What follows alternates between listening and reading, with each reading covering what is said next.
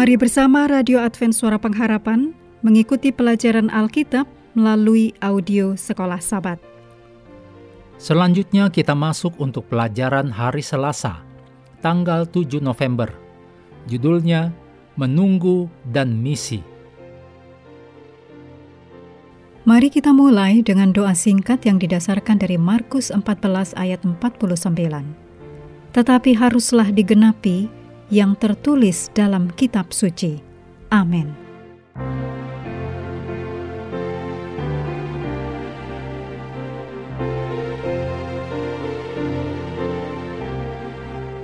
Lukas pasal 24 berakhir dengan kenaikan Yesus ke surga.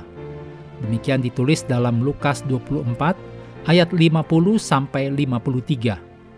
Tetapi ini bukanlah akhir dari cerita itu Penulis kitab ini, yaitu Lukas, melanjutkannya dengan menulis kitab kisah para rasul. Sesaat sebelum Yesus terangkat ke surga, dia memberikan murid-muridnya sebuah misi, janji, dan petunjuk-petunjuk langsung untuk menunggu di Yerusalem kekuasaan dari tempat tinggi. Demikian ditulis dalam Lukas pasal 24 ayat 49 dan juga dalam kisah 1 ayat 4 sampai 8. Yesus menginstruksikan para murid untuk menunggu di Yerusalem sampai Yesus memenuhi janjinya untuk mengirimkan janji dari Bapa atau Roh Kudus yang akan melengkapi mereka dengan kuasa untuk bersaksi di Yerusalem, Yudea, Samaria, dan di tempat-tempat yang lainnya.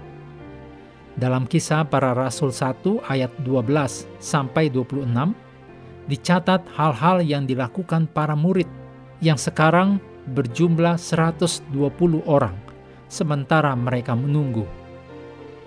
Yesus telah memberikan sebuah misi yang jelas kepada murid-muridnya, yaitu bahwa mereka harus menjadi saksi baginya kepada dunia.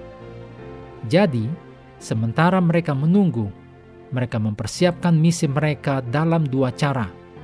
Yang pertama, Lukas mengatakan bahwa mereka terus-menerus bersatu dalam doa dan permohonan.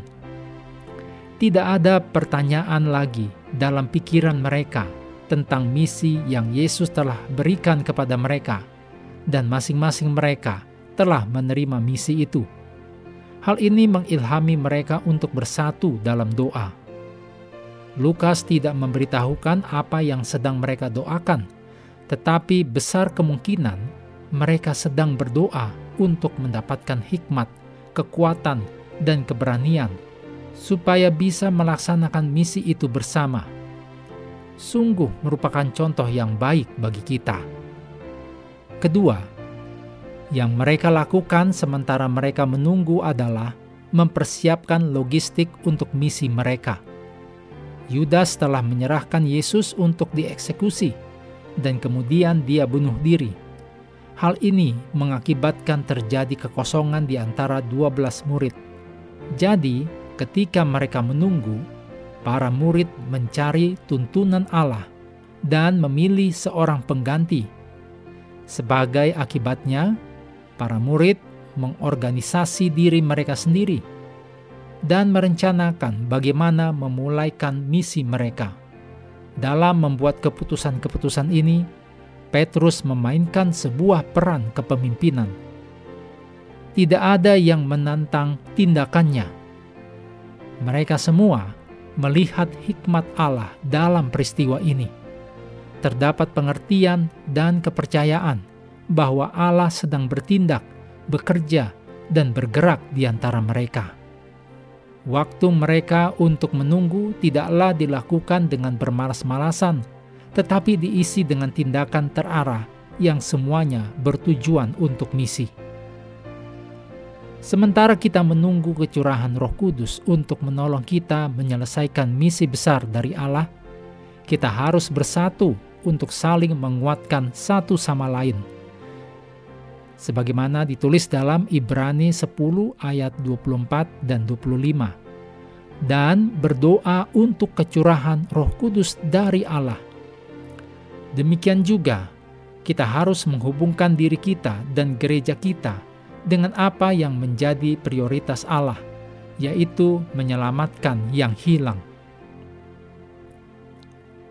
Renungkan bagaimana Anda bisa belajar untuk menantikan Tuhan dan tidak kehilangan iman saat ini, sambil menunggu menggunakan waktu dengan baik, sebagaimana yang dilakukan oleh murid-murid Yesus dahulu. Mengakhiri pelajaran hari ini, mari kembali ke ayat hafalan Lukas 24 ayat 44. Ia berkata kepada mereka, Inilah perkataanku yang telah kukatakan kepadamu ketika aku masih bersama-sama dengan kamu, yakni bahwa harus digenapi semua yang ada tertulis tentang aku dalam kitab Taurat Musa dan kitab nabi-nabi dan kitab Mazmur. Kami terus mendorong Anda bersekutu dengan Tuhan setiap hari, bersama dengan seluruh anggota keluarga, baik melalui renungan harian, pelajaran sekolah sahabat, dan bacaan Alkitab sedunia, percayalah kepada nabi-nabinya, yang untuk hari ini melanjutkan dari Pengkhotbah pasal 4. Tuhan memberkati kita semua. thank you